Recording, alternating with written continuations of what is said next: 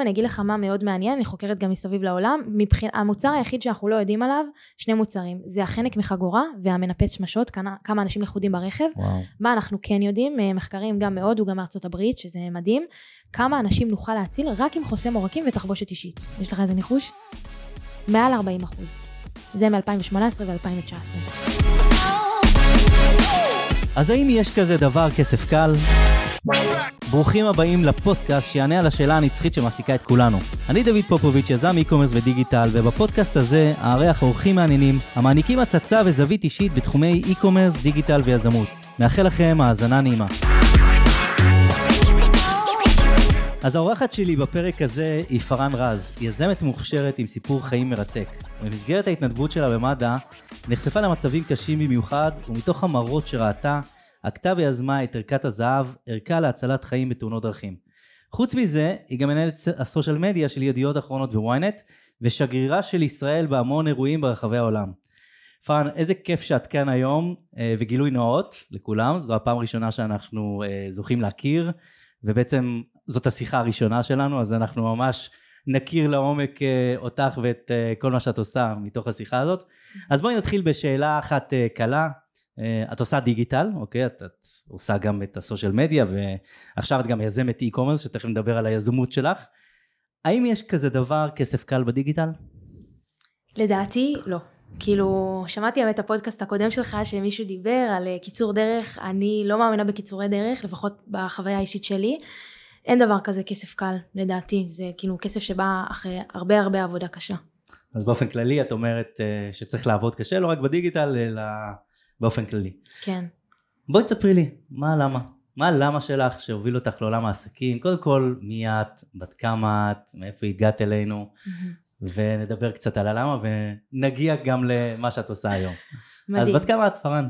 אני פארן, זה שם של נחל, אני בת 24, אני במקור מקיבוץ ניר עציון, זה יישוב יפהפה בחוף הכרמל, והיום אני גרה בתל אביב. יישוב דתי ניר עציון, לא? נכון, קיבוץ, יישוב, קיבוץ, משהו שם כן. באמצע כזה, כן. אז את באה ממשפחה של כיפות סרוגות. כן. אוקיי. עברתי לתל אביב לאחרונה. כן. וכמו שאמרת, אני היוזמת של ערכת הזהב, ואני עובדת בוויינט. ומה עשית לפני שהתגייסת? כלומר, האם זאת היזמות הראשונה שלך, או שאת מגדירה את עצמך כיזמת ועשית בגילאי 12, 13, 14 כל מיני מכירות של דברים כאלה ואחרים? כי זה בדרך כלל הדרך של היזמים שמגיעים להתארח פה. אז האמת שלא, האמת שהייתי אצנית של 400 מטר, הייתי אלופת ישראל במשך תשע שנים, אז זה היה רוב החיים שלי, כאילו שזה כן מחבר אותי לעולם היזמות מבחינת עבודה קשה. התמדה. לגמרי משמעת עצמית, כן. והייתי מתנדבת במד"א, שזה היה שילוב מעניין. ובתיכון, אתה יודע, תלמידה רגילה. וההורים הם שכירים, יזמים, כאילו מאיפה, מי דחף אותך למצוינות הזאת? אני חושבת שזה הגיע מהלמה שלי, כאילו סבא שלי הוא אדם מרשים, ניצול שואה, גם סבתא שניהם עלו לישראל, הקימו את הקיבוץ שלי, אני כאילו באה ממשפחה 아, מדהימה ממש. וכאילו ציונית ושאוהבת את הארץ הזו וכאילו תמיד ידעתי שאני רוצה לעשות דברים כדי להפוך את המדינה לטובה יותר לא ידעתי מה ואיך אבל התחלתי בקטן ומה שהיה כאילו הדחף האמיתי הוא באמת ההתנדבות במד"א שראיתי המון תאונות דרכים קשות הייתה תאונה אחת ספציפית שכאילו שם הבנתי שאני רוצה לשנות זו הייתה תאונה של בעל ואישה הבעל נפצע קל אשתו נפצעה קשה והוא ניסה ככה להרים אותה דבר שאסור לעשות ולצערי היא נותרה משותקת. וכשהגענו לשם צעקנו אל תיגע בה אל תעשה כלום הגענו מאוחר מדי ואני זוכרת שחזרתי הביתה כאילו אחרי המשמרת המדים שלי היו ספוגים בדם ישבתי על המיטה ואמרתי אני חייבת לשנות את זה אני לא יודעת איך לא יודעת מה אבל אני רוצה להבין איך מצילים חיים בתאונות דרכים ואיך מונעים מקרים כאלה וזה הלמה שלי עד היום אותו מקרה אותן משפחות שאני ממש זוכרת כאילו אה, בת שאיבדה את אימא שלה וכאילו אח שאיבד אחות זה מקרים שהולכים איתך אה, גם אני לצערי איבדתי חברה במהלך השנים בתאונה זה, זה הלמה העיקרי שלי. חווית המון uh, מצבים קשים. כן. זאת אומרת. אני אעשה מה שאני יכולה בפינת פיסת העולם הקטנה שלי כדי שדברים כאלה אה, יקרו בכמויות יותר קטנות, או לפחות, אם זה קורה, אז שמישהו ידע מה לעשות עם זה. כן. אז אנחנו מדברים על איזה גיל בעצם, מתי התחלת אה, להת...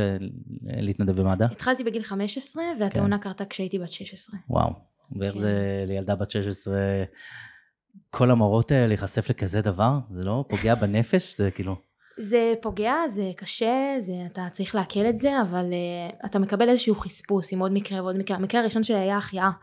Mm-hmm. ואתה פשוט חווה את זה וכאילו אני בחרתי לקחת מזה את הדברים הטובים ואת איך אני כן יכולה לשנות זה מורכב. אוקיי, ואז uh, מתקדמים קדימה, שנתיים וזה, את מתגייסת לצה"ל? כן, עשיתי שנת שירות לפני הצבא של כן. הסוכנות היהודית בטורונטו. אה, עשית שליחות. כן. וואלה, גם אני הייתי צריך לעשות באמת? בזמנו, הייתי חלק מגרעין נחל, ולא אכנס לכל הסיפור, אבל כן, אני הייתי צריך גם לצאת לשליחות מדהים. של ההסתדרות היהודית. וואו, איפה? באיטליה. אה, איזה יופי. אז עשית כן, uh, עשיתי שליחות. שליחות לפני הצבא. לפני הצבא, וואו. ואז uh, התלבטתי אם להיות ספורטאית פעילה, מצטיינת, או כאילו, uh, אתה יודע, להתגייס לצה"ל. אנחנו באים ממשפחה שכולה, הדוד שלי נפל בלבנון, וזה משהו שממש דחף אותי להיות לוחמת בסוף, אז uh, חיפשתי איזושהי לוחמה שהיא גם משהו פיזי, וגם uh, טיפה הצלת חיים, אז uh, בחרתי בחילוץ והצלה, זו יחידה מדהימה. ושם עשיתי את השירות הצבאי שלי, שם גם המשכתי עם המיזם, כאילו את המיזם התחלתי בגיל 16, זאת אומרת, את המיזם שאנחנו מדברים עליו, שאנחנו תכף נדבר עליו בהרחבה, על ערכת הזהב, ממש הפיתוח שלו כבר התחיל בגיל 16 פיזי, או שזה היה ברמת הרעיון? 16 פיזי. אה, ממש התחלת לפתח את זה. וואו, טוב, אוקיי, נחזור לזה. כן. אבל זה, תראי איך הכל מתקשר, כאילו, הצלת חיים במד"א, הצלת חיים בצבא, זאת אומרת, משהו שם ממש אה, חזק אצלך. לגמרי, כן. Uh, שירות צבאי מורכב, אנחנו שירתנו ביהודה ושומרון, שזה כל יום אתה פוגש את הפחד הזה בעיניים, הייתי מפקדת, הייתי מ"מ, אז אתה גם מוביל חיילים אחריך, לוחמים ולוחמות, uh, וזה מורכב, אבל אתה, אתה נשאר שם, אתה עומד uh, בשמירות 12 שעות, 15 שעות עם אפוד קרמי, ואתה כל הזמן מזכיר לעצמך למה, למה אני עושה את זה, כאילו למה כל כך חשובה לי המדינה הזו. זה מאוד קשה. כן. במקביל, בואי נחזור חזרה למיזם, כי... אה, אני מבין שעכשיו אני מבין מתוך הסיפור שלך שבכלל הוא קם בגיל 16. כן. אני חשבתי שאת uh, התחלת את המיזם הזה בגיל יותר מאוחר, אבל בואי נחזור בחזרה. Uh, ראית את התאונות, ראית את כל המראות הקשים האלה, ובעצם משהו מחלחל אצלך, מה, מה, מה את מבינה שגרם לך. לייצר משהו כזה? הדבר הראשון שעשיתי היה להיכנס לגוגל. כתבתי תאונות דרכים, אמרתי רגע, אף אחד לא דיבר איתי אף פעם על התופעה. פתאום ראיתי שזה גורם המוות העיקרי של ילדים בישראל, זה גורם המוות העיקרי של צעירים בעולם, חיפשתי מה ישראל עושה כדי למנוע תאונות דרכים, כדי להציל חיים, ראיתי שדברים מאוד מאוד מועטים ושזו מלחמה ממש בכבישים, אתה יודע יש יותר הרוגים בתאונות דרכים מאשר בכל מלחמות ישראל ביחד, שזה כן. מטורף מתחילת השנה נכון להיום 251 הרוגים בכבישים, זה מספרים מטורפים, כל אחד מאיתנו מכיר מישהו שמכיר מישהו שנהרג בתאונה וחיפשתי מה, מה עושים נפגשתי עם מומחים לטראומה, עם פרופסורים, עם חוקרים, כתבתי להם מייל פשוט, אה, היי, אני אה, חוקרת את תאונות דרכים, לא כתבתי את הגיל שלי, ואמרתי, בוא נראה מה יהיה, חלק הסכימו להיפגש איתי, חלק לא, מי שנפגש איתי נורא הופתע, כאילו, מה זה, את בת 16, כאילו, mm. מה יש לך מתאונות דרכים? ואמרתי להם שזה מעניין אותי, וגיליתי על מה שנקרא דקות הזהב, שלו הדקות שעוברות מרגע שיש תאונה ועד שאמבולנס ראשון מגיע לזירה, הן נקראות זהב בגלל שהן הכי קריטיות לחיים של הנפגעים, וממש מבדילות בין חיים למוות. אבל מה שקורה בדקות האלו, תחשוב על עצמך מגיע לתאונה, כולם מתאספים מסביב, רוצים לעזור, רוצים לטפל בנפגעים, אבל לרוב אין להם ידע או כלים מתאימים, ואנחנו מאבדים את הזמן היקר הזה. אז חיפשתי אם יש איפשהו בעולם או בארץ ערכות עזרה ראשונה שהן מותאמות לתאונת דרכים, לא מצאתי אף ערכה, לא בארץ, לא בעולם, ואז אמרתי אני רוצה להמציא את הדבר הזה בעצמי. כאילו זה היה היעד שלי כשהייתי בת 16.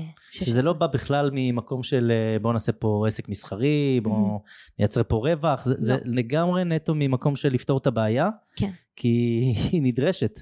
הפתרון של זה והיא מצילת חיים. Mm-hmm. אז את uh, מזהה את הדקות האלה, אבל איך, איך גורמים לדבר הזה לקרות? כאילו, עשית גוגל, הלכת לאנשים להיפגש איתם כדי מה? לשכנע אותם שקיים כזה דבר? אה, מתי הגעת למסקנה שאת צריכה איזושהי ערכה ש... שבאמת uh, תהיה באוטו ואיך את יודעת בדיוק מה המוצרים שיהיו בתוך הערכה? אז אחרי כמה פגישות עם מומחים הבנתי את הבעיה, הגדרתי את הבעיה, עשיתי חקר שוק, דיברתי עם 500 נהגים, העברתי להם סקר, כאילו אם היו לכם ציוד עזרה ראשונה בתאונה, אם הייתם משתמשים בו, האם חסר לכם ידע, וכאילו ברמת ה-90 ומשהו אחוז של האנשים אמרו שהם היו רוצים איזושהי ערכה כזו לרכב, ואמרתי בואנה יש פה פוטנציאל מטורף להציל חיים.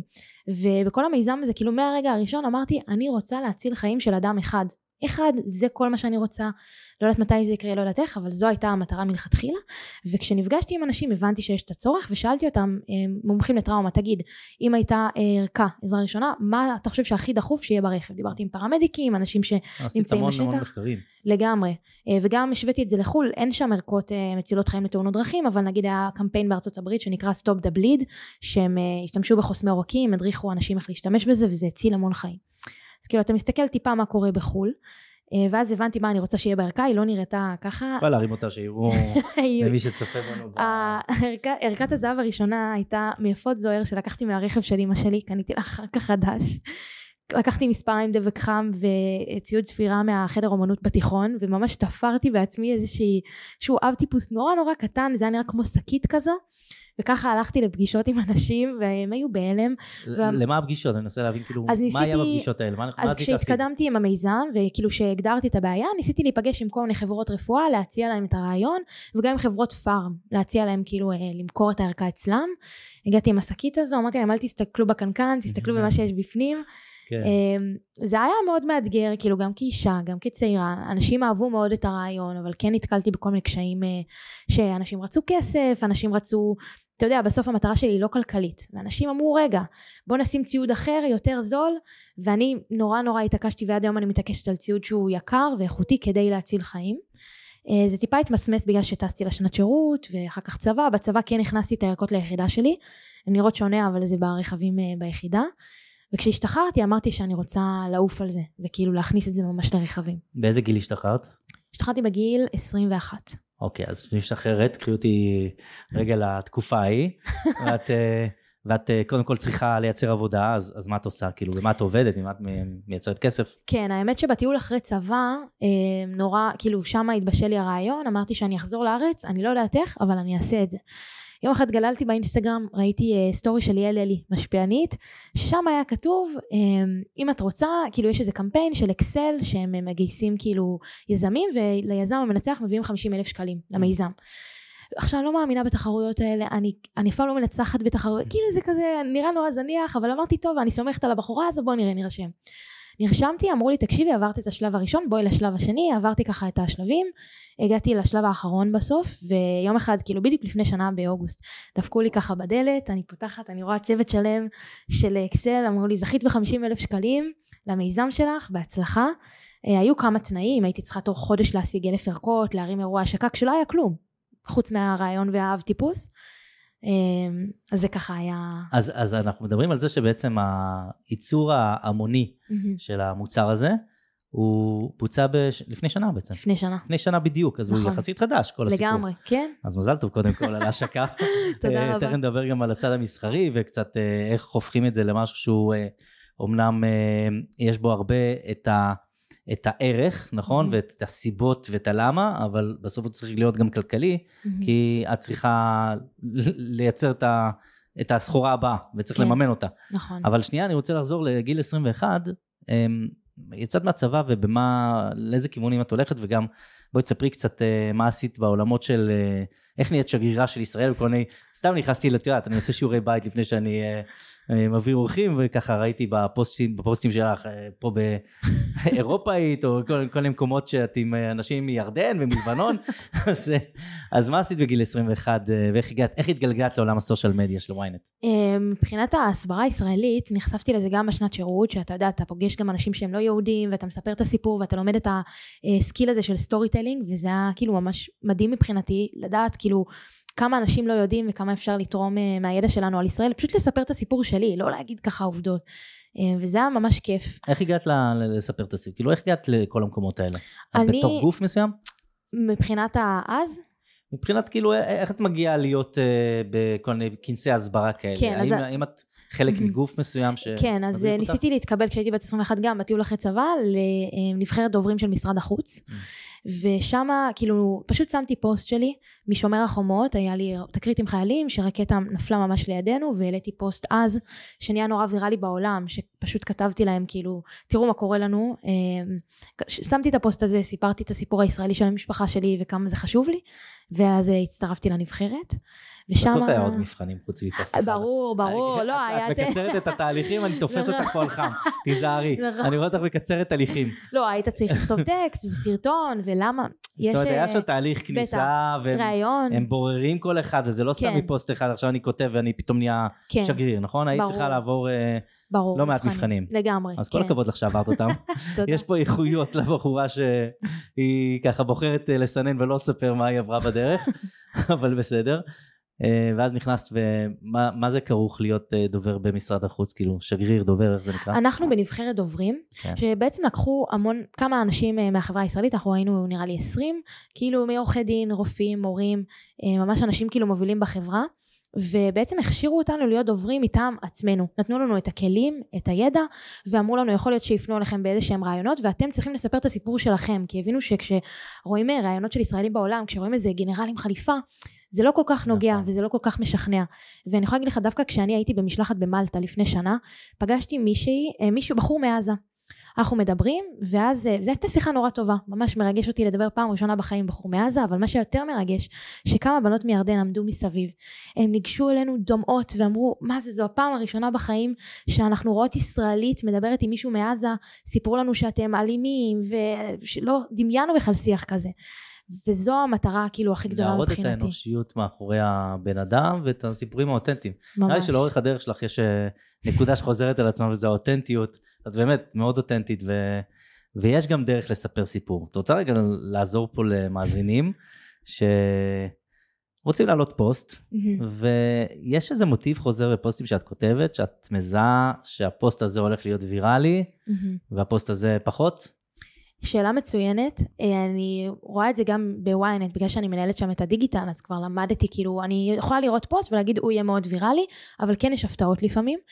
מה שמאוד עוזר בלספר סיפור גם ברשת וגם אה, בהרצאות זה לגעת ברגש, לגעת באנושיות, להיות אותנטית. אני בכל הרצאה מספרת על כל הטעויות שלי לאורך הדרך, את כל הפדיחות, את כל הדברים שפעם התביישתי בהם, אמרתי איזה פדיחה לספר שהגעתי לפגישה ולא נתנו לי להגיד מילה אחת. זה מביך, אבל דווקא משם באה העוצמה והחוזק שלנו, ואני חושבת שאותנטיות זה כאילו שם המשחק בסטורי אני קורא לאותנטיות אותנטיות מנצחת. לגמרי. זה...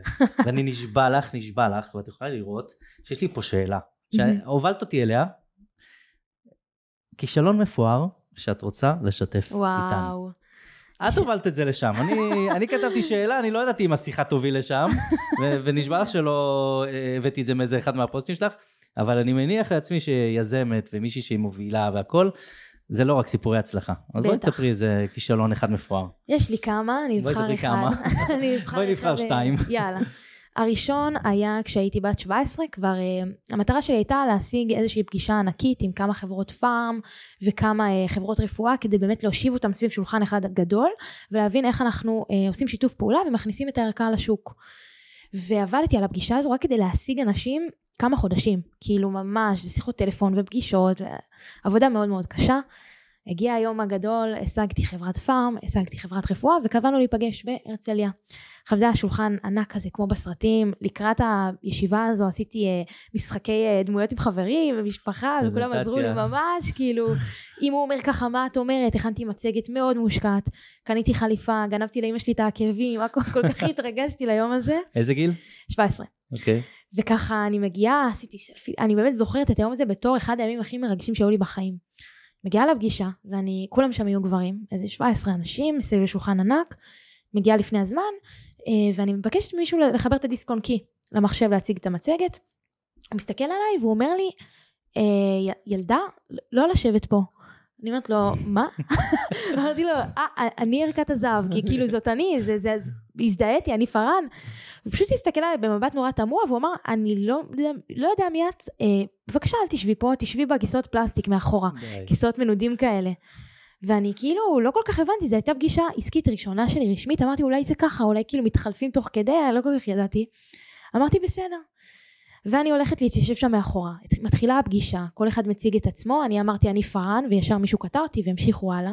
ותוך כדי הפגישה אני אומרת להם, אני יכולה להציג את המצגת, כאילו מרימה כזה את היד בנימוס, וכולם מסתכלים עליי ואומרים, איזו מתוקה, איזה ילדה חמודעת. ואני לא כל כך מבינה מה קורה, אני מחייכת ואני אומרת אוקיי, אחרי שתי דקות גם לא, לא דיברו בכלל על ערכת הזהב, אני כאילו כבר לא הבנתי, הם הלכו לשיח משלהם, על שיתופו פעולה אחרים, ואני קולטת ששעה עוברת, אני יוצאת מהפגישה, אני ממש זוכרת את הפס של הדלת ששם הכתה בי התדהמה, שאני אומרת לעצמי, פארן, זה לא קורה לך יותר, זה לא קורה יותר, כאילו כשאת באה לדבר עם אנשים, את לא ילדה בת 16 ואת לא ילדה בת 17, את יוזמת של מיזם מציל חיים. באותו רגע הבנתי שאף אחד לא ייתן לי את הכיסא, כאילו גם פיזית וגם מנטלית, ואני צריכה לדרוש אותו בעצמי. יצאתי משם בוכה ובסערת רגשות והרגשתי ש- שנכשלתי, כאילו עבדתי על הפגישה הזו כל כך הרבה. לא אמרתי מילה, לא הצגתי את המצגת, אבל משם הבנתי שכאילו בכל פגישה אני דורשת את הכיסא שלי, ועד היום כשאני נפגשת עם אה, חברי כנסת, עם אנשים בכירים, אפילו מנכ"לים, אני בוחרת את הכיסא המרכזי בחדר הישיבות, כי זה המיזם שלי, וזו הפגישה שלי, ואנשים נורא מעריכים את זה, כי אומרים בואנה היא יודעת לדרוש את המקום שלה. מדהים, אז מה המסר שלך לבנות uh, כמוך? לא רק לנשים, גם לגברים, תדרשו את המקום שלכם. כאילו לא תמיד ייתנו לכם אותו, יזלזלו בגיל ובמגדר ובמי שאתם, לפעמים באיך שאתם נראים, תדרשו את הכיסא שלכם, תגידו אני יושב כאן, ואל תציגו את עצמכם בתור הגיל שלכם או זה. אני יזמת של מיזם מציל חיים. ואיזה טיפ את יכולה לתת uh, ליזמת שנמצאת בתחילת הדרך? לאו דווקא אם היא בת 16 או 17, אפילו בת 35.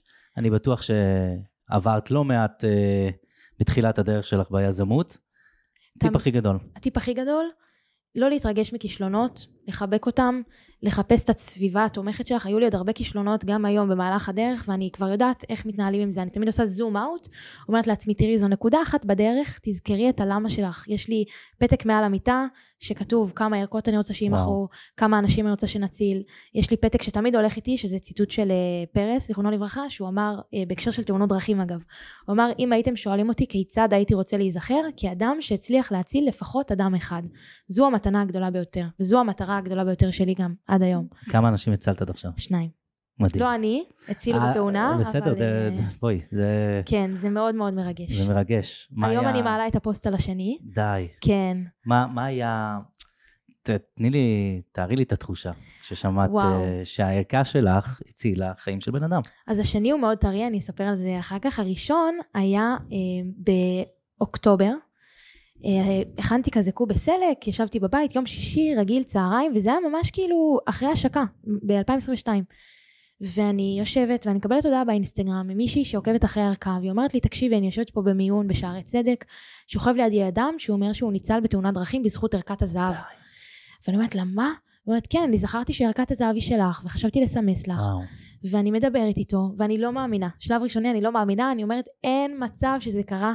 אני יורדת ככה רועדת להורים שלי ואומרת להם נראה לי שהצלנו חיים. ואומרים לי מה איזה מטורף והכל. חיכיתי עד מוצ"ש כדי לברר את כל הפרטים ובמוצ"ש שהעליתי את הפוסט וזה באמת זה באמת היה היום הכי מרגש שהיה לי בחיים כאילו ההבנה שהחזרנו למישהו חיים החזרנו למשפחה את האבא שלהם מדהים אני זוכרת את ההודעה שקיבלתי על חברה שלי שנהרגה וכאילו זו הייתה הודעה עכשיו שהצלנו חיים וזה כאילו באמת ריגש אותי בטירוף. מה, מה כתבת בפוסט הזה? אה, קודם כל חיפשנו את הבחור שהציל, ידענו מי ניצל והמציל עד היום אנונימי אם הוא שומע את הפודקאסט, כן. וואו. אה, זאת אומרת למציל היה ברכב שלו את הערכה? כן. אה, אם הוא שומע את הפודקאסט, חייבים למצוא אותו. לגמרי, אני כבר עשיתי חיפושי, אתה לא מבין מה עשיתי. בואי, את מנהלת ה social media של ynet, תעלי איזה פוסט ב ynet. תקשיב, אתה לא מבין. זה יותר מהפודקאסט הזה. אתה לא מבין בכמה דרכים ניסיתי. מיפיתי את כל האנשים שקנו ערכה אז, ושמתי באקסל, והתקשרתי. וזה היה כל כך הרבה מאמץ שאמרתי, פארן, תשחררי, עוד מישהו יציל, זה יקרה. העיקר שהוא ניצל, זה מה שחשוב, הכל בסדר. אם הוא לא רוצה להזדהות, יש אנשים שהם בטראומה, יש אנשים ש... כל אחד והסיבות שלו, ו- וזה שלו ואני מכבדת את זה. אני חושב שאת צריכה להוסיף אה, פה בערכה, נראה לי בחלק הזה, איזשהו כזה דבר, הצלת חיים, הערכה הזו הצילה חיים, אה, סמס ל. וואי, לגמרי, לגמרי. הכי פשוט שיש, כאילו תוסיפי פה. רעיון מצוין. אנחנו חייבים, לדע, אנחנו חייבים לדעת אם הערכה הזו הציל חיים, משהו כזה. נכון. זה מאוד פשוט. כן. עם QR קוד אפילו, את יודעת, שהוא לא צריך להתאמץ יותר מדי, פשוט עם המצלמה. רעיון טוב. והשני? אז אה, הייתי בהרצאה לפני שבועיים, ואחרי ההרצאה מישהי ניגשת אליי ואומרת לי בשיא הרוגע, אה, אני וחברה שלי היינו בתאונת דרכים לפני כמה חודשים, אופנועה נפצע מאוד קשה, היא מתנדבת מד"א, חיפשנו ברכבים ערכת אה, עזרה ראשונה, היא מצאה את ערכת הזהב, הוציאה חוסם עורקים, הניחה על האופנוען, וכשמד"א הגיעו הם אמרו לה שהוא הצילה את החיים. עומדת שם ככה מול האנשים מסביב, ואני כאילו עם דמעות, ואני מחבקת אותה, ועשיתי את התמונה, ואמרתי לה, תודה, תודה, תודה ש, שבאת ואמרת לי את זה, וכאילו הבנתי שיכול להיות שיש עוד הרבה מקרים שהצילו בהם חיים, ובן אדם עובר יודעת. תאונה, הוא לא חושב לעצמו בוא נתקשר לפארן, כי מי זו פארן? כאילו, גם לא אכפת לי שידעו שאני קשורה למיזם, זה ערכת הזהב, שיהיה להם ברכב, אבל... אז תגידי, למה, למה בעצם משרד התחבורה, התחבורה לא מחייב כל רכב בערכת זהב, כמו שהם מחייבים אותנו בווסט? נכון. צהוב. עבדתי עם המנכ"לית הקודמת, עכשיו אה, זה טיפה השתנה במשרד התחבורה, אני- זה עדיין משהו שאני חושבת שחייב לקרות. חייב. כן, אני עובדת על הצעת חוק עם חבר כנסת שתגיד שני דברים. הדבר הראשון שהכי חשוב לי, שתלמידים שלומדים תיאוריה, ילמדו להגיש עזרה ראשונה. זה קורה במדינות באירופה, ילמדו מה אסור לעשות ומה מותר לעשות. לפעמים, אתה יודע, אנשים לא יודעים שאסור להסיר קסדה לאופנוען. זה יכול להרוג בן אדם. שיהיה את הידע הזה. וגם שיהיה תקן שיחייב ערכה. לא אכפת לי שיקראו לזה ערכת הכסף, ערכת הנחושת. ערכה עם המוצרים האלה שמצילים חיים בכל רכב. הדבר הזה יקרה, אני בטוחה, וגם אם לא אני אהיה חברת כנסת יום אחד ואני אעביר אותו, אני בטוחה שזה יקרה, עבדתי על זה גם כשהייתי אה, בת 16 עם איתן כבל, שהוא היה אז אה, יו"ר הוועדה למניעת הקטל בדרכים, ממשיכה גם היום גם עם האתגרים הפוליטיים, זה אה, לא יקרה. ידעתי שאת... אה, טוב, בואי, את- לא הכרנו קודם, אבל... אז בואי נסיים את ערכת הזהב, ואז אה, הכנת לי פה עוד סט שלם של שאלות. תודה. אמ, אנחנו מגיעים אה, בחזרה לגיל 23, את עם אה, מישהו שדופק לך בדלת אה, בבית, עם 50 אלף שקל, מה את עושה משם? הלם. שנייה לקחתי נשימה ואמרו לי שתוך חודש, אתה יודע, אני צריכה להביא אלף ערכות, אירוע השקה. אז קודם כל הקמתי צוות מתנדבים, אמרתי להם, שאני מכירה לאורך השנים, אמרתי להם, תראו, זה האתגר שלנו, אני חייבת אתכם איתי בחודש הזה. אה, וזה היה חודש מאוד מאתגר, בין המאתגרים שהיו לי בחיים, ups and down, כאילו ברמה שאתה יודע, הערכות, שבועיים לפני האירוע, הערכות לא הגיעו, המקום של האירוע בוטל, זה היה אירוע מטעם אה, אותה- אותו אקסל? לא, אני הייתי צריכה לארגן הכל, הם מממנים כאילו, אתה יודע, דברים אה, ספציפיים, אבל הכל והם עליי. רצו השקה, הם, הם כיוונו שזה, כן. כאילו הם אמרו לך שאת צריכה לעשות השקה כן, אני לזה? גם רציתי, אוקיי. אבל אה, כן, זה היה סוג של אה, תנאי. ואיפה את אני מייצרת? את זה? אז uh, אני מכירה כבר כמה חברות רפואה, בגלל uh, שעשיתי עבודה לאורך השנים. אז שוב פעם, אתה יודע, לחדש את הקשר, לבדוק איפה הכי מקצועי, איפה הכי זול, איפה הכי מומלץ, הגעתי לחברה. ומבחינת האירוע, לא היה מקום, כי המקום של האירוע בוטל, ואמרתי, איפה אני עושה, איפה, איפה אני מוצאת לך במרכז הארץ, בשיא החופש הגדול, מיקום, התקשרתי למנכ"ל של הדיזינגוף סנטר, אמרתי לו, תקשיב, יש לי את האירוע הזה והזה, מיזם ערכת הזהב, הצלת חיים, ללא מטרות רווח, אמר לי, קבלי את הגג חינם. אה, מגניב. שזה מטורף, הגג של הדיזינגוף סנטר, וככה הרמנו שם אירוע מדהים, אבל אה, שבועיים לפני האירוע לא היו ערכות. והמון אנשים שקרובים אליי פשוט אמרו לי, פארן, את מהממת, אבל כדאי לך לבטל את האירוע. זה יהיה פדיחה. חברה מאוד מאוד טובה שלי, כאילו הסתכלה לי בלבן של העיניים ואמרה לי, תבטלי את האירוע, זה לא ילך, אף אחד לא יקנה ערכות, לא יהיו ערכות אפילו. את מביכה את עצמך. ולא ידעתי מה לעשות, כי אתה יודע, כל כך הרבה אנשים שאוהבים אותי אומרים לי לבטל את האירוע. חושבת שהלכתי לישון ואמרתי בדיוק מה שכתבת פה, אם אני נכשלת זה יהיה הכישלון הכי מפואר שלי, ואני אספר על זה בהרצאות עוד כמה שנים, ואני אהיה בסדר. ובסוף זה היה אירוע מדהים, וערכות הגיעו, וזה אז. אז הערכות האלה בעצם מיוצרות בישראל, כן. וכאילו, את רוצה לספר טיפה על התהליך ה... של שרשרת האספקה של הדבר הזה? כן, הערכות מיוצרות בישראל, זו הערכה, אני אסביר רגע על העיצוב שלה, בחרתי בעיצוב מאוד מאוד פשוט, גם אה, להוזיל עיצוב עלויות. מדעיסטי כזה, מדע. כן, שאני, המטרה, קודם כל בצבע האדום, בן אדם בתאונה, או שליד תאונה הוא לא מצליח לחשוב בצורה כל כך אה, בהירה, צבע אדום, עזרה ראשונה, זה מה שרציתי, ורציתי שהפתיחה תהיה מהירה. לא ריצ'ראצ'ים, לא כלום. לחסוך זמן כל שנייה בתאונה סקוץ'. חשובה לנו, בדיוק. אמ, אז יש לנו בערכה מוצרים שמיוצרים בישראל, לדוגמה תחבושת אישית, תחבושת של צה"ל, מצילה חיים. אלו מספרים חזקים, אתה יודע, המון אנשים נחנקים מהחגורה, כל מה שצריך לעשות זה בשנייה אחת לחתוך אותה ולהציל וואלה. חיים. כן, עכשיו הייתי בהרצאה שמישהי סיפרה שהבת שלה נחנקה מחגורה, מקרה למישהו היה סכין ברכב, וזה... את אוספת נתונים על כל הדברים האלה? כאילו, את יודעת להגיד באחוזים כמה בתאונות דרכים, מוות מזה, סליחה חברים שאנחנו מדברים על כאלה נושאים אה, מפחידים וזה, אבל, אבל זה. מציל חיים בסוף. ואת כן. מכירה את האחוזים? יש אחוזים, אני אגיד לך מה מאוד מעניין, אני חוקרת גם מסביב לעולם. מבחינ... המוצר היחיד שאנחנו לא יודעים עליו, שני מוצרים, זה החנק מחגורה והמנפץ שמשות, כמה, כמה אנשים לכודים ברכב. וואו. מה אנחנו כן יודעים, אה, מחקרים גם מהודו, גם מארצות הברית, שזה מדהים, כמה אנשים נוכל להציל רק עם חוסם עורקים ותחבושת אישית. יש לך איזה ניחוש? מעל 40 אחוז. זה מ-2018 ו-2019, הנתונים, שזה מטורף, כאילו, כמה חיים נוכל להציל? היום בשנה נהרגים 350 אנשים, נניח ונציל רק חצי, 70 אנשים, זה מט... 70 בני אדם, רק עם חוסם עורקים ותחבושת אישית, ולא הגעתי בכלל למנפץ שמשות נגיד. זה מוצר מדהים, אתה פשוט מצמיד אותו לחלון של הרכב, הוא מתנפץ בצורה בטיחותית, אתה יכול גם לחלץ אחרים וגם את עצמך. אה, זה החוסם עורקים שאמרנו, יש כמה דגמים, אני בחרתי בדגם קט, שהוא הדגם הצבאי, שהוא הרבה יותר טוב, הוא גם טיפה יותר יקר, אבל אתה יכול להניח אותו על עצמך, על בגדים, והוא הכי קל ויעיל. מה זה עושה? הוא בעצם חוסם את זה ה... החוסם עורקים. כן, אוקיי. אה, שהוא נראה כאילו מסיבי הדבר הזה. כן, הוא מאוד מאוד ואז, חזק. ואז זה, זה כמו מה שאנחנו מכירים בצבא, כן. עם הירוק, ו- בדיוק, והוא מסתובב כזה ככה. נכון. אוקיי. אותו גם אפשר להניח על בגדים. יש את ה... וזהו חוברת הדרכה, עם ברקוד שמוביל פה לסרטוני הדרכה, ככה אתה יכול פשוט לסרוק את זה, ללמוד לפני, ככה אנחנו ממליצים לכולם. מי בסרטונים? את מדגימה? לא, פרמדיקית. אה. כן. אמ, זו הערכה, קומפקטית. וכפפות... אה, כפפות להגנה אישית, כן. כן, כמובן. וזה בעצם ערכה שתוריד את האחוזים של משמעית. מקרי מוות בתאונות דרכים. אני ממש לא מצליח להבין איך, כל, איך הערכה הזאת עדיין לא ברמת חובה בכל רכב. עכשיו, כש... איפה ההמלצה לשים ערכה כזאת ברכב? תא הכפפות, בתא כפפות. כן. ואיך היום אפשר לקנות את הערכה? יש לנו אתר, נקרא ערכת הזהב. גוגל, מקום ראשון בגוגל, נכנסים. ב- אה, מקום ראשון גוגל. כן. את עשית? או כן. שיש אה, לך בדרך מישהו אורגנית. שעוזר לך? לא, אני בדרך אורגנית. את למדת SEO ועשית מחקר מילות מפתח וידעת, יפה, תספרי לנו מה הטיפים על, אה, על מחקר מילות מפתח, איך, איך למדת את זה? אה, תראה, קודם כל, הסתכלתי מה זה, אם אני כותבת ערכת זהב בגוגל, לפני ערכת הזהב שלי, מה מופיע, ותאונות דרכים והכל. ראיתי שיש ערכת הזהב שזה טיפול פנים, אה, והשקעתי כאילו... להבדיל. כן. ואין עוד הרבה ערכות זהב, זה לא שכאילו קוראים לזה בשם נורא, כאילו, שמשתמשים בו. אז עשיתי את המחקר הקטן הזה, זהו. טוב, אני חושב שזה משהו שמוביל אותך, כאילו הדו-עיריות וה... והיכולת, אה, דרך אגב, כל יזם, אה, אה, זה ללמוד, להבין, ליישם, להתמיד, ואני חושב שזה מה שמוביל פה יזמים להצליח. מהמם. כאילו זה היכולת הזאת. עכשיו אני לא עוזב אותך מה, מה שהעלית לנו מקודם על ללכת לפוליטיקה. קודם כל שיהיה המון המון בהצלחה עם ערכת הזהב. ואני הייתי רוצה לראות שזה נכנס כחוק בישראל.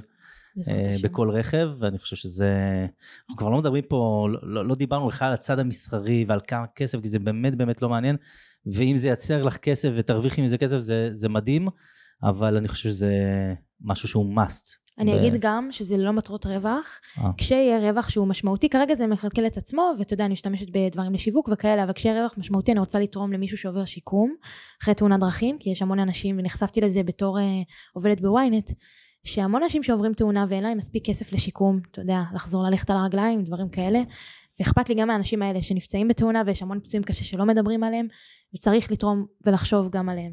מדהים. אז אמ, מה את עושה בעצם ביום יום, כאילו, מה, אה, מה זה אומר להיות אה, מנהלת סושיאל של אה, ידיעות אחרונות בוויינט, ואיך הגעת לזה בכלל? Um, הגעתי לזה, האמת, גם מזל וגם קצת שכל. אני לא הייתי בדובר צה"ל, ובדרך כלל כדי לה- להתחיל בתקשורת, אתה חייב להיות באיזושהי גלי צה"ל, דובר צה"ל. כשהייתי גם בטיול אחרי צבא, הגשתי מלא משרות לכל גוף תקשורת ישראלי, באמת, מבשבע ועד לערוץ 14, 13, הכל. וכולם אמרו לי, תקשיבי, אה, מתוקה, לא היית בדובר צה"ל, אין לך רקע, אין לך כלום. פחות עכשיו, תחזרי אלינו אחר כך.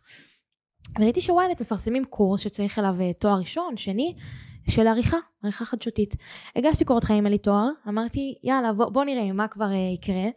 נראה לי אחי שלח לי את הקורס הזה, ואז בנס, אילן יצחק, שהוא אחד ממקימי ynet והוא באמת היה אחראי על הקורס הזה, הוא זכר את השם שלי מכתבה שהוא עשה עליי בגיל 17-16 גם בוויינט, והוא אמר יאללה ניתן לה את ההזדמנות, הוא סיפר לי את זה רק אחרי הקורס, גם שם יש מבחנים ואתה צריך אה, לעבוד מאוד קשה והשקעתי בטירוף, זה השבוע אחרי שנחתתי בארץ, סיימתי בידוד, הלכתי לקורס בוויינט, וממש הייתה לי מחברת ענקית ששם כאילו למדתי כל הזמן כל הזמן, ככה התחלתי לעבוד בוויינט וכשהתחלתי הייתה לי אופציה או ללכת לתפקידי הפקה, עריכה, ואני דווקא ראיתי עתיד ברשתות החברתיות, כי אני חושבת שלשם אנחנו הולכים, שזה כוח מטורף, היום אני יכולה לקחת כתבה קטנה, שאף אחד לא יקרא אותה באתר, להפוך אותה לכותרת ראשית שכל המדינה תדבר עליה. Um, עשיתי את זה עם סנפרוסט לדוגמה, עם הפרשה שם של הנחש בשקית. אז uh, אבל. מנהלת סושיאל, זה בעצם, איך הולך מבחינה היררכית, כאילו, את מחליטה, הפוסטים שאנחנו רואים של אה, ידיעות אחרונות או ynet, זה זה את? זה כן. את מחליטה עליהם? יש לך צוות? איך זה עובד? אנחנו עובדים כצוות, um, כל אחד אחראי יותר על כל מיני תחומים, אבל בסוף כן, אתה, יש תוכן באתר, תוכן uh, בעיתון, ואתה בוחר מה לעלות, איך לעלות, באיזו שפה, אתה יכול לקחת כתבה נורא משעממת, להכין ממנה סרטון. אתה יכול לקחת נושא שאין עליו כתבה ולעשות עליו סרטון או פוסט. אה, אנחנו מקבלים המון סיפורים מהרשת ומשם אנחנו שולחים את זה לכתבים. גם לי יצא לעשות כמה כתבות, אז זה מאוד מאוד דינמי, וגם אני מראיינת אנשים אה, בהפגנות, מראיינת פוליטיקאים. כאילו, את יוצאת החוצה עם מיקרופון ומראיינת? כן. וואו, זה ממש אה, עיתונאית. כן, חוויה נורא כיפית. ואת שואפת להתקדם לעיתונאית? Uh, שאלה טובה, אני לא יודעת עדיין, אני מרגישה שאני במקום שאני מאוד שמחה בו, אם השאיפה העתידית היא כן להיות בפוליטיקה איזשהו... אבל עיתונאית זה בדרך לשם, או שאת אומרת עיתונאית סלש, כי אנחנו רואים הרבה עיתונאים שהלכו לפוליטיקה, אז נראה כן. לי שזה איזשהו... איזשהו מעבר טבעי מלהיות עיתונאי ותקשורת כן. לפוליטיקה. כרגע לא דחוף לי, כי אני... שוב, יש לי כוח עצום. אני, מאוד חשוב לי, נגיד, לקדם רצח נשים והטרדות מיניות. מקבלת סיפור מאיזה עיתונאי שבקושי אנשים קוראים והופכת אותו לסרטון הכי ויראלי של השבוע. וזה ממש משהו שאת אחראית עליו או שאת צריכה להעלות את זה למעלה לגורמים שיאשרו את זה וזה? אנחנו... ממש יש לך את השליטה על... וואו, כן. זה, זה כוח עצום ביד. ממש. ממש. את אשכרה יכולה לעשות כותרות כן. ברשתות החברתיות. אני מאוד אוהבת זה. ולכן כאילו אני אמרתי לך לפני איזה יומיים זה היה, שראיתי פתאום את השם שלך בסטטוסים מצייצים. עכשיו אני מבין כאילו הכל מתחבר ואני מבין כן. למה מצטטים אותך. כי, כי הכוח הוא גדול. ממש. ותספרי לי איזה סיפור, ממש, לא נשאר לנו הרבה זמן, אבל סתם מעניין אותי אה, קצת אה, ריחוליות כזה. מה, מה, מה זה, כאילו ביום יום אנשים באים אליך ואומרים לך, תקשיבי, תכניסי איזה סיפור ככה מתחת לשולחן, תני איזה פוסט שנייה על העסק שלנו, משהו בקטנה. זה הולך? תמיד מבקשים, אני תמיד אומרת לא. אני מאוד uh, ישרה ונאמנה למקצוע, ואני יודעת שיש לי כוח עצום, ולכן אני שמה לעצמי גבולות, גם חברים הכי טובים. כאילו אני אומרת להם לא, אני מתנצלת, אם כמובן יש עליהם אייטם בוויינט אז אני הכי אפרגן ואני, אתה יודע, אהפוך את זה למשהו גדול. אבל uh, יש סיפורים שמגיעים אליי, נגיד על הטרדות מיניות, כי אני מאוד מדברת על זה ברשת, אז את זה אני כן, אני הולכת לכתב או לכתבת באופן ספציפי, ואני אומרת להם, קחו את הסיפור הזה, תבדקו אם אתם יכולים לעשות איתו משהו. אז, לא, אז, אז הפוך זה לא יכול לקרות, זה לא יכול לקרות שאת עכשיו תעלי פוסט על זה, ו... וייצא קודם פוסט לפני שהייתה כתבה בוויינט, נכון? תלוי באיזה נושא, זה מאוד תלוי באיזה זה יכול, נושא. יכול לקרות כזה מצב? יכול לקרות, כן. הבנתי. אז ממש יש לך יכולת אה, עיתונאית פה. אז, את, אז הכיוון שלך הוא פוליטיקה, מה, מה בפוליטיקה? תראה, החלום הכי גדול זה להיות שרת תחבורה. וכותבת בארץ נהדרת. ואז את זאתי שתחליטי על ערכת הזהב. לאו דווקא, אה, כאילו אני חוקרת על התחום הזה כבר שנים, ואני כן. רואה כאילו מה עושים מסביב לעולם, ואני רואה בזה כל כך הרבה פוטנציאל, גם לשפר את המדינה, וגם להציל חיים, ששוב זה גורם המוות העיקרי אה, של צעירים פה. וגם בעולם. זה בגדול, החלומות שלי משתנים כל הזמן, כאילו, אבל... אה, מה מונע ממך אה, להיות שרת תחבורה? אני חושבת שאני עוד uh, צריכה ללמוד ולעבור דרך. כן. לא אני חושב שאת בכיוון הנכון. אני חושב שאת לגמרי, יש לך את כל היכולות וה, והסקילס להתקדם קדימה ובאמת לממש את החלום הזה. תודה. ואת יודעת, יש חברות כנסת צעירות.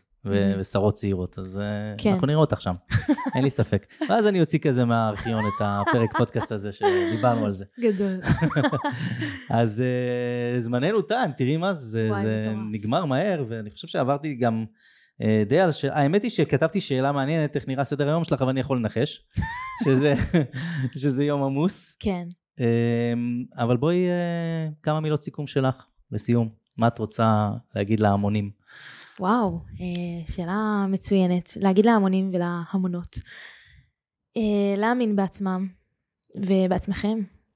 ובעיקר כל הזמן שוב לחשוב על הלמה, כאילו גם אם זה פתק כזה בארנק שיהיה לצדכם, מה המטרה שלכם בסוף בכל המיזם הזה, תעזרו באנשים סביבכם, אל תפחדו לבקש עזרה, אתה יודע, אני עד איזה גיל 20 ומשהו פחדתי לבקש עזרה מחברים, התביישתי, הרגשתי שאני נזקקת, אבל אני לא נזקקת, כי אני עושה את זה למען מטרה שהיא הרבה יותר גדולה ממני, אני כלי, אני אמצעי בדרך להצלת חיים, וככה אני רואה את זה, אני תמיד לפעמים חוצפנית, פונה לאנשים, אה, שלאו דווקא הייתי פונה אם הייתי צריכה משהו בשביל עצמי, אבל אני אומרת להם, פניתי עכשיו לשחקנית נעמי לבוב שתפרסם את הערכה. וזה כאילו חוצפה, כי אתה אומר, תפרסמי בחינם משהו. הבחורה השחקנית, מה? והיא נהנתה בהבנה ובאהבה, כי, כי זה לא לפרסם את פארן, זה לפרסם את ערכת הזהב. אז תהיו חוצפנים, תצאו כל הזמן מאזור הנוחות, עם כמה שזה קשה, אה, ותחשבו על הלמה שלכם. מדהים. פארן, את מקסימה, ואני מאחל לך המון המון בהצלחה. ואני מאחל לנו לראות ערכת זהב בתוך כל רכב בישראל. אמן. ואני מאחל לנו גם אה, שרת תחבורה כמוך. אמן. כי אני בטוח שהדברים יראו אחרת לגמרי בפוליטיקה עם אנשים כמוך. אז המון המון תודה שהגעת, ותודה לכם שצפיתם, שהאזנתם, וניפגש בפרק הבא. אז תודה על ההאזנה, אם אהבתם את הפרק, אל תשכחו להגיב, לשתף, וכמובן, תדרגו בספוטיפיי. ניפגש בפרק הבא.